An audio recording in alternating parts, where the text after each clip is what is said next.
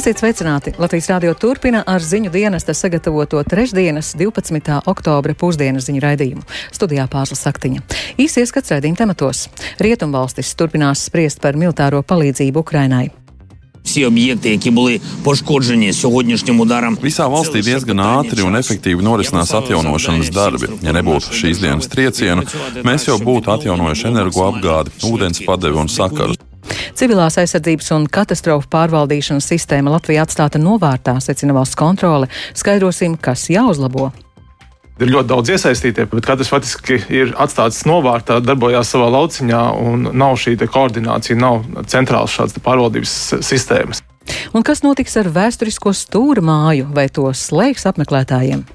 Līdz 24. gadam nu, būtu vismaz jābūt risinājumam, kādā veidā mēs varētu parūpēties par šīs vēsturiski nozīmīgās ēkas saglabāšanu. Briselē šodien norisināsies NATO dalību valstu aizsardzības ministru sanāksme, kurā viens no galvenajiem sarunu tematiem būs palīdzības sniegšana Ukrainai. Tiek vēstīts, ka pēc pirmdien īstenotā Krievijas masveida uzbrukuma Ukrainai Vācija un Amerikas Savienotās valstis jau veikušas atsevišķas piegādes. Krievija kopš pirmdienas ar raķetēm ir apšaudījusi apmēram 30% no Ukrainas enerģētikas infrastruktūras objektiem. Tikmēr ASV analītiķi pieļauj, ka pirmdien īstenotā Krievijas uzbrukuma mērķis bijis Krievijas aizsardzības ministrijas publiskā tēla atjaunošana. Plašāk stāsta Rihards Plūme. Pēc pirmdienas masveida uzbrukuma vairākām Ukrainas pilsētām otrdien Krievijas armijas apšaudas ar raķetēm Ukrainas teritorijā turpinājās. Ukrainas prezidents Valdimirs Zelenskis savā ikvakara uzrunā izteicās, ka Krievija veikusi otru teroristisko uzbrukumu vilni. Всі об'єкти, які були пошкоджені сьогоднішнім ударом російських терористів, ми відновимо. Visā valstī diezgan ātri un efektīvi norisinās atjaunošanas darbi. Ja nebūtu šīs dienas triecienu, mēs jau būtu atjaunojuši energoapgādi, ūdens padevi un sakarus, ko teroristi vakar sabojāja. Krievija sasniegs tikai vienu papildu lietu. Tas nedaudz aizkavēs mūsu atkopšanos. Tur, kur ir postījumi, infrastruktūra atjaunos. Tur, kur kaut kas ir zaudēts, tur jau notiek vai notiks būvniecība. Tur, kur bija ienaidnieka cerības, tur būs Krievijas valstiskuma drupas. Un es pateicos visiem, kas pēc savām spējām nodrošina atkopšanos pēc šiem teroraktiem. ASV analītiķi norādījuši, ka masīvais pirmdienas raķešu uzbrukums Ukrainas teritorijai tika plānots pirms Sergeja Surovikina iecelšanas par jauno Krievijas karaspēka pavēlnieku Ukrainā. Eksperti pieļauj, ka pirmdienas uzbrukuma galvenais mērķis bija atjaunot Krievijas aizsardzības ministrijas publisko tēlu. Arī pati Surovikina iecelšana varētu būt notikusi tieši tādēļ, lai pēc virknes Krievijas neveiksmju kaujas laukā atdzīvinātu labu attieksmi pret aizsardzības ministriju. Kā norādījis Ukrainas enerģētikas ministrs Hermans Haluščenko, Krievija kopš pirmdienas ar raķetēm ir apšaudījusi apmēram 30% no Ukrainas enerģētikas infrastruktūras objektiem. Haluščenko sacīja, ka viens no šo apšaužu iemesliem ir tas, ka Ukrainas elektroenerģijas eksports uz Eiropu palīdz Eiropas valstīm ietaupīt uz Krievijas gāzi un oglēm. Ministrs atzīmēja, ka Ukrainas energosistēma vēl ar vienu ir stabila, bet aicināja partnerus nodrošināt pretgaisa aizsardzības sistēmas, lai Ukraina var aizsargāt savu infrastruktūru. Par militārā aprīkojuma piegādēm tiks runāts šodien Briselē, kur norisināsies NATO dalībvalstu aizsardzības ministru sanāksme. Sanāksmes laikā tiks rīkota arī ASV vadītās Ukrainas aizsardzības kontaktgrupa, kuras laikā ar Ukrainas aizsardzības ministru Oleksiju Reznikovu tiks pārunātas iespējas operatīvi nodrošināt Ukrainai tūlītēji nepieciešamo militāro palīdzību. Vēl pirms NATO aizsardzības ministru sanāksmes kļuvis zināms, ka Savienotās valstis Ukrainai piegādājušas vēl četras Haimars sistēmas, bet no Vācijas Ukraina jau saņēmusi pirmo zenītraķešu iekārtu, kas ir vidēja darbības rādījusi pretgaisa aizsardzības sistēma. Drīzumā tikšot piegādātas Nasams zeme gaisa zenītraķešu sistēma. Savienoto valstu finanšu ministre Dženeta Jēlēna tikmēr aicinājusi ASV sabiedrotos pasteidzināt finansiālās palīdzības sniegšanu Ukrainai, gan apmaksājot savas esošās saistības pret Ukrainu, gan apņemoties darīt vēl vairāk. Rihards Plūme, Latvijas radio. Civilās aizsardzības un katastrofu pārvaldīšanas sistēma Latvijā atstāta novārtā, secina valsts kontrole. Pandēmijas krīze problēmas spilgt izgaismoja. Daudzi piedalās, bet neviens nav atbildīgs. Vēl secināts, ka materiālās rezerves ir nepietiekamas, jo pēdējo četru gadu laikā nav piešķirts tam finansējums. Savukārt pēdējās lielās mācības bijušas vien pirms sešiem gadiem. Plašāk par revidentu secināto un to, kas būtu jāuzlabo, Lindas Spundiņas ierakstā. Krīzes situācijā civilās aizsardzības plāni vien darbotos uz papīra. Valsts kontrolas secinājumi ir negatīvi. Sistēmā nav radīti priekšnoteikumi efektīvai katastrofu pārvaldīšanai un krīžu vadībai. Nepieciešami uzlabojumi, skaidro valsts kontrolieris Rolands Irklis. Tā viena no lielākām problēmām ir, ka ir ļoti daudz iesaistītie, protams, sistēma ir decentralizēta, bet katrs faktiski ir atstāts novārtā, darbojās savā lauciņā un nav šī koordinācija, nav centrāls šāds pārvaldības sistēmas. Kā rezultātā mēs redzējām, piemēram, Covid krīzes laikā, kad pēc būtības pandēmija ir uzticēta veselības ministrijai, bet veselības ministrijai nav nekādas iespējas koordinēties vai dot pilnvaras, dot uzdevumus kādām citām institūcijām. Tā rezultātā faktiski tika veidot sistēma no nulles, radīts pilnīgi jaunas struktūra vienības, lai lai tiktu galā ar konkrēto krīzi. Pirmā lieta, kas jādara, jānosaka iesaistīto iestāžu atbildības sadalījums, jo šobrīd radīta sistēma daudz piedalās, bet neviens nav atbildīgs. Jebkuras krīzes vadība balstās uz principu, ka katrs izdara savu darbu, skaidro iekšlietu ministrijas valsts sekretārs Dimitrijs Trofīmovs, taču viņš piekrīt, ka koordinācija bijusi izaicinājums. Valsts kontrole aicina izveidot krīzes vadības centru, Šī iestāde sniegtu atbalstu valdībai, ministrijām un pašvaldībām katastrofu pārvaldīšanā, izveidotu pastāvīgus mehānismus politiskā līmeņa darba grupās, iesaistītu ekspertus un zinātniekus. Ideju atbalsta valsts sekretārs Trofīmovs. Mēs no iekšlietu ministrijas puses absolūti atbalstam šādu centra izveidi, ja tas sakrīt ar to aicinājumu, kas ir bijis iekļauts arī saimas parlamentārās izmakošanas ziņojumā, ka ir nepieciešams stiprināt, protams, šo centrālo krīžu pārvaldības kompetenci, bet tas neatceļ visu ministriju atbildību pār saviem apdraudējumiem. Kontrolieri paredz, ka krīzes vadības centrs gādātu arī par katastrofu pārvaldīšanas mācībām. Runājot par tām, secināts, ka pēdējās plašamēroga mācības notika vien pirms sešiem gadiem. Taču bez mācībām, kurās pārbauda vai teorija darbojas, krīzes situācijā nebūs lielas nozīmes. Tāpat secināts, ka nav arī nodrošināta pietiekama uzraudzība pār mācībās konstatētajiem trūkumiem.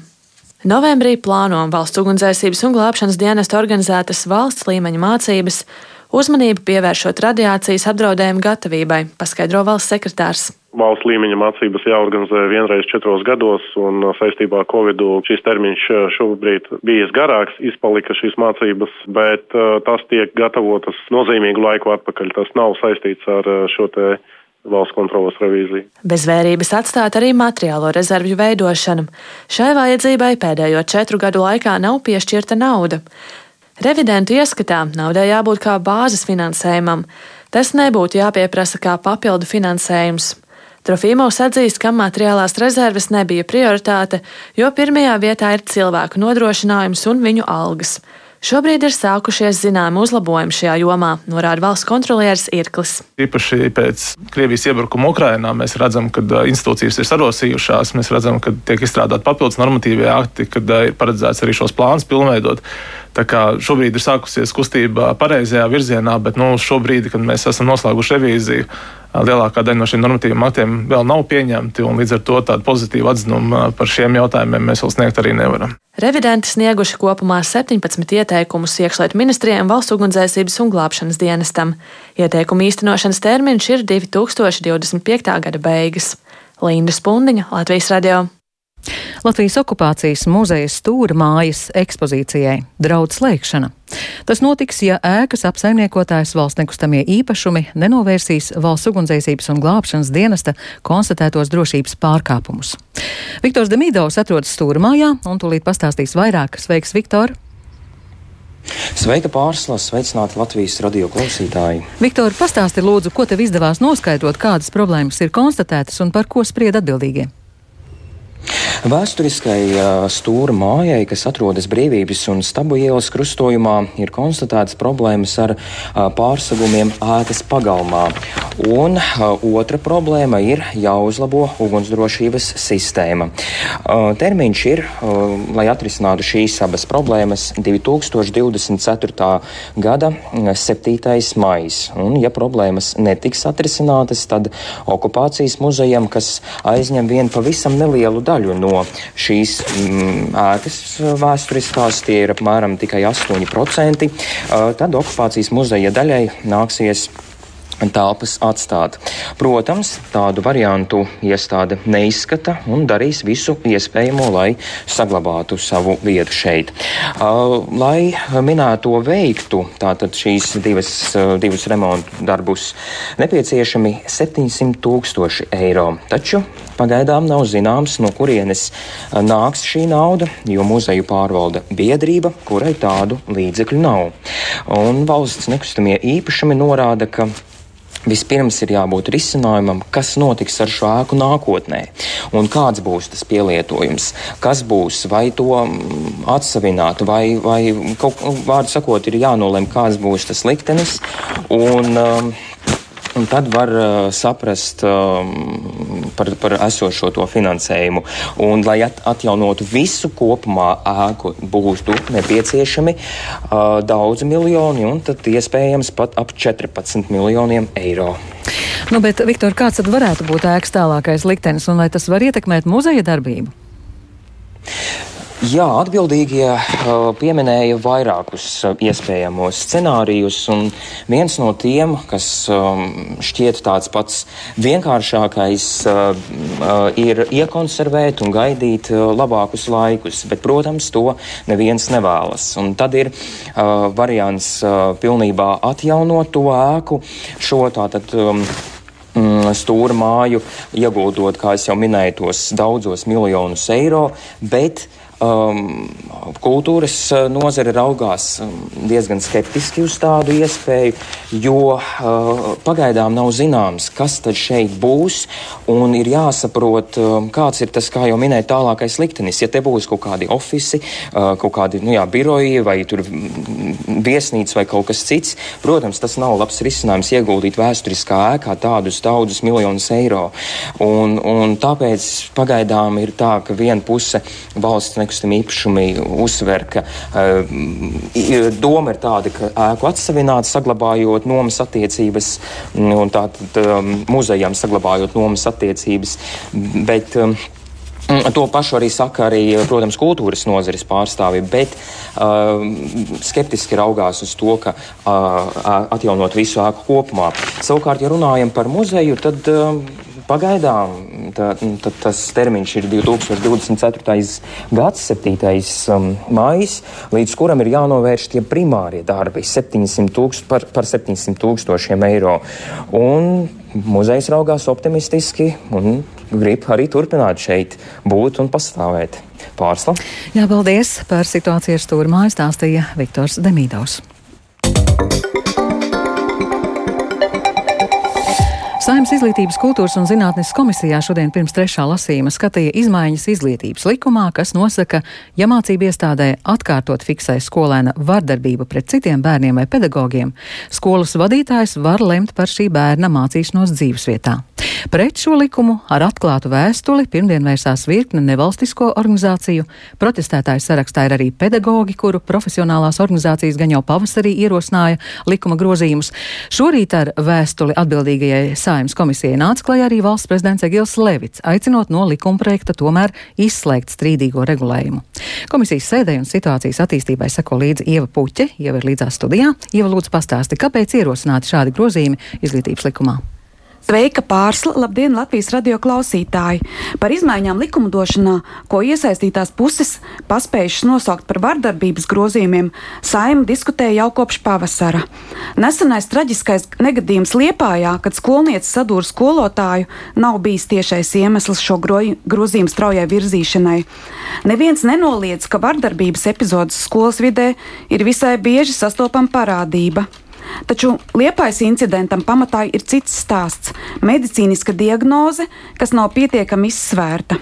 Vai gadījumos, kad bērnam pat nav šādas nopietnas diagnozes, izolēšana no skolas ir pareizais risinājums?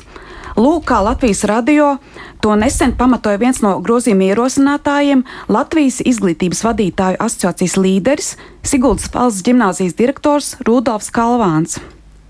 Un mēs kaut kā vienmēr gribam izcelt to minoritāšu aizstāvību, to, kur ir mazākumā, bet, manuprāt, būtu vairāk jāaizstāv vairākumu, nevis mazākumu. Problēma ir tāda, ka klasē vai jauniešu bērnu grupā, klase grupiņā, nezinu, kurs ir, teiksim, 20 jaunieši un 19 ir vairākums un viens ir agresors. Nu, tad ir jautājums, kura intereses tomēr ir prevelējošāks. Dzirdējāt pedagoģu organizāciju pārstāvja Rudolfa Kalvāna viedokli. Otra vardarbības grozījuma iniciētāja bija Latvijas izglītības un zinātnes darbinieku arotbiedrība. Kā man skaidroja bērnu tiesību organizācijas darbdedze runas persona Anda Avena, kura kopš pavasara ir sekojis notikumu virzībai, saimnes sēdēs, iegans bijis arī kāda plašākai sabiedrībai neatklāta skolēnu vardarbības epizode pret pedagoģu Jelgavā. Un izglītības nozare šādi mēģina rast risinājumu, lai aizsargātu darbiniekus. Taču pamazām diskusija paplašinājās.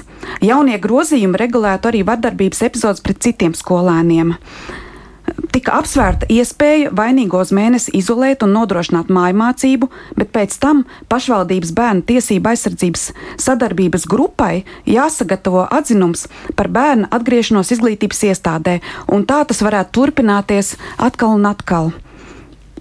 Centrs Dārdedze, Centrs Marta, Latvijas Autisma apvienība, Latvijas Sosbērnu ciemata asociācija, vecāku organizācija mammai un tētim un citas NVO tomēr uzskata, ka grozījumi nevis palīdzēs vardarbību mazināt, bet gan izstums sarežģītos bērnus no skolas vides, tādējādi radot auglīgu augsni tālākam vardarbības pieaugumam, ko jutīs visa sabiedrība. Runā organizācijas iespējamā misija vadītāja Ramona Urtāne no vairākiem direktoriem esmu sadzirdējuši satraucošu lietu. Viņi šobrīd jau ir identificējuši bērnus, no kuriem grib atbrīvoties. Un tie lielākoties ir bērni, kuri mācās vispār izglītojošā skolā, bet viņiem ir mācīšanās grūtības vai garīgās attīstības traucējumi. Un kurus izprovocēt uz vardarbību, ir vairāk nekā vienkārši. Es nesaku, ka skolas izprovocēts vardarbību, bet, ja tas bērns netiek līdzi klases tempam, tad vardarbība ir pašsaprotama lieta. Un viņi līdz ar to gaida grozījumus, kad viņi varēs šo izdarīt. Tas ir vairāk nekā satraucoši. Jā, dzirdējām iespējamās misijas vadītāju Ramonu Urtāni. Mm, Ieva, ko tad šodien lēma saimnes komisijā? Diskusijas bija ļoti spraigas. Man dodoties studijas sēde vēl nebija beigusies. Vairāki deputāti tomēr uzsvēra, ka tiesības uz netraucētu izglītību ir ne tikai skolēnam, varmākam, bet arī citiem bērniem. Turklāt šādi ārkārtas mēri taptu pieņemti tikai gadījumos, kad vardarbība atkārtojas un atkārtojas, bet skolas nespēja ar to cīnīties. Tomēr komisijas vadītājs Arvils Ašradens skaidroja, ka asā sabiedrības reakcija un arī valsts prezidenta iejaukšanās šobrīd izsmeļ iespēju grozījums izglītības likumā tālāk nodot saimai. Diskusija gaitā kļuvis skaidrs, ka Latvijas izglītības sistēma fundamentāli atpaliek iekļaujošās izglītības attīstībā, un vardarbības problēmas skolās ir jārisina citā veidā. Izglītības un zinātnes ministrijai sadarbībā ar Labklājības veseli un veselības ministriju līdz 15. februārim būtu jāizstrādā informatīvo ziņojumu par emocionālās un fiziskās fiziskās vardarbības izskaušanu izglītības iestādē, kā arī par valsts un pašvaldību institūciju sadarbību, lai izveidotu atbalsta pasākumu sistēmu izglītojumiem, viņu ģimenēm un pedagogiem. Paldies! Ieva Puķe bija studijā. Tātad saimnes komisija vardarbības grozījums izglītības likumā tomēr tālāk vēl nevirza.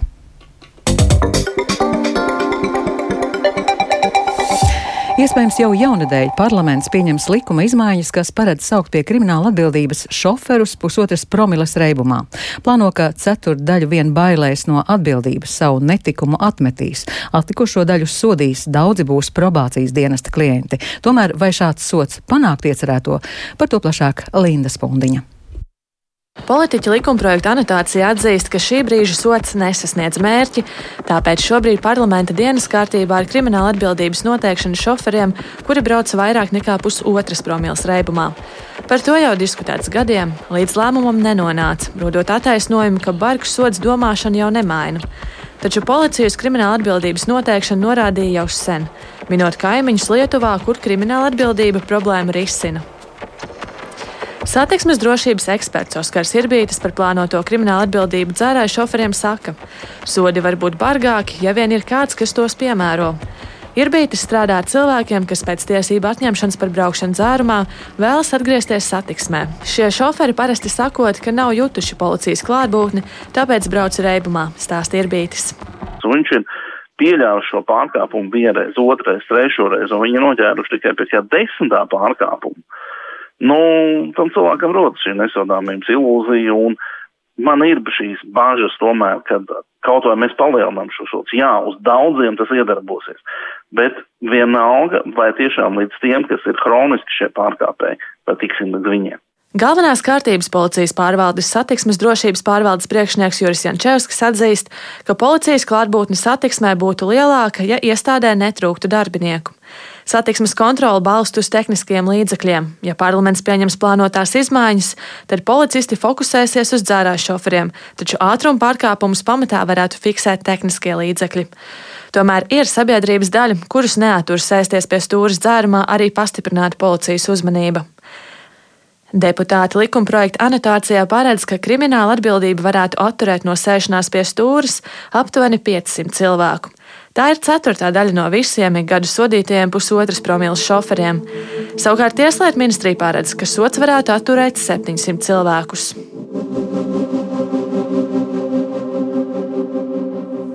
Kad Dārnis savas atkarības vadīts brauca dzērumā, viņu policija nepieķēra pirmajā reizē.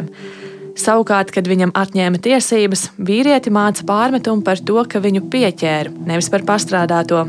Protams, ka bija dusmas uz to visu, jā, kad kā es tā bet baigā tāda saprašana, ka jā, es daru kaut kādu sliktu lietu, baigi nebija tajā laikā.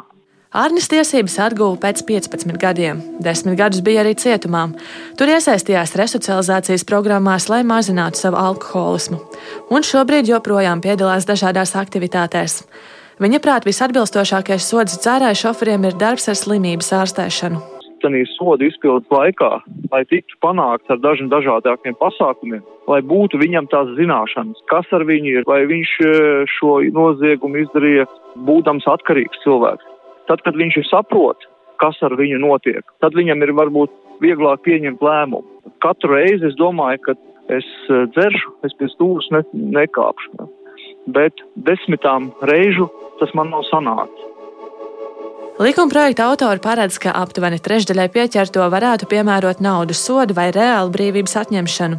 Savukārt aptuveni 70% varētu piemērot sabiedrisko darbu, probācijas uzraudzību un nosacītu brīvības atņemšanu. Tas nozīmē, ka valsts probācijas dienesta klientu skaits pieaugtu par tūkstošu gadā. Probācijas dienestā stāsta, ka šobrīd viņi izpēta ārzemju programmas, kas speciāli pielāgotas dzērāju šoferiem. Ja likuma projekts stātos spēkā, tad šādu programmu būtu nepieciešams pielāgot. Tieslietu ministrija rosina paredzēt, ka, ja persona vadīs transporta līdzekli reibumā vai atteikusies no apreibinošo vielu klātbūtnes organismā pārbaudas, bet izmantoties transporta līdzeklis pieder citai personai, tad no noziedzīga nodarījuma izdarījušās personas piedzen pilnu vai daļēju šī transporta līdzekļa vērtību. Konfiskācijai pakļaus minēto noziedzīgo nodarījumu izdarījušai personai piederošu transporta līdzekli ja ar to būtu braucis dzērāja šoferis. Tieslietu ministrija prognozē, ka gadā vidēji kopumā varētu tikt konfiscēti 2500 auto vai piedzīta to vērtība. Linda Spundiņa, Latvijas radio.